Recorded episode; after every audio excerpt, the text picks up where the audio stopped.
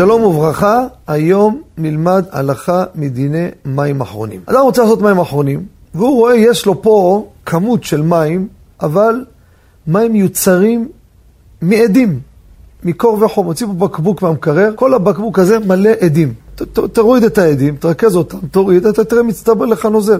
זה הרבה פעמים, אתם יכולים לראות, הוצאתם בקבוק קר, פתאום כל המים נשפכו על השולחן, נהיה ממש חבילת מים.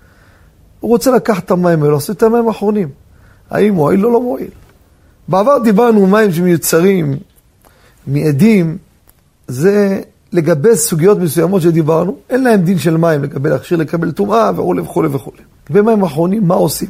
הלכה למעשה, מים אחרונים זה גם משום הפסוק והתקדישתם והייתם קדושים, קדישתם מים ראשונים מטילת ידיים הראשונה, והייתם קדושים מים אחרונים, או משום, זה על פי הסוד, סטרא אחרא, משום מים, מים אחרונים, חשש שהיה סיפור שהרגו את הנפש. זאת אומרת, ש... לא נאריך עכשיו בפינה כזו קצרה כמובן, כן? ומשום מלח סדומית. מלח סדומית, מים שיכולים, לה... אה, מלח שיכול להביא לי עיוורון, אז אנחנו שוטפים את הידיים. על פי כל הנתונים האלו, מים שמיוצרים מעדים, הם כשרים ללא חשש למים אחרונים. זה מים, הם מנקים, הם מרטיבים, את כל הנתונים הם עושים, ולכן אין בזה חשש. וזה כשר למים אחרונים. תודה רבה וכל טוב.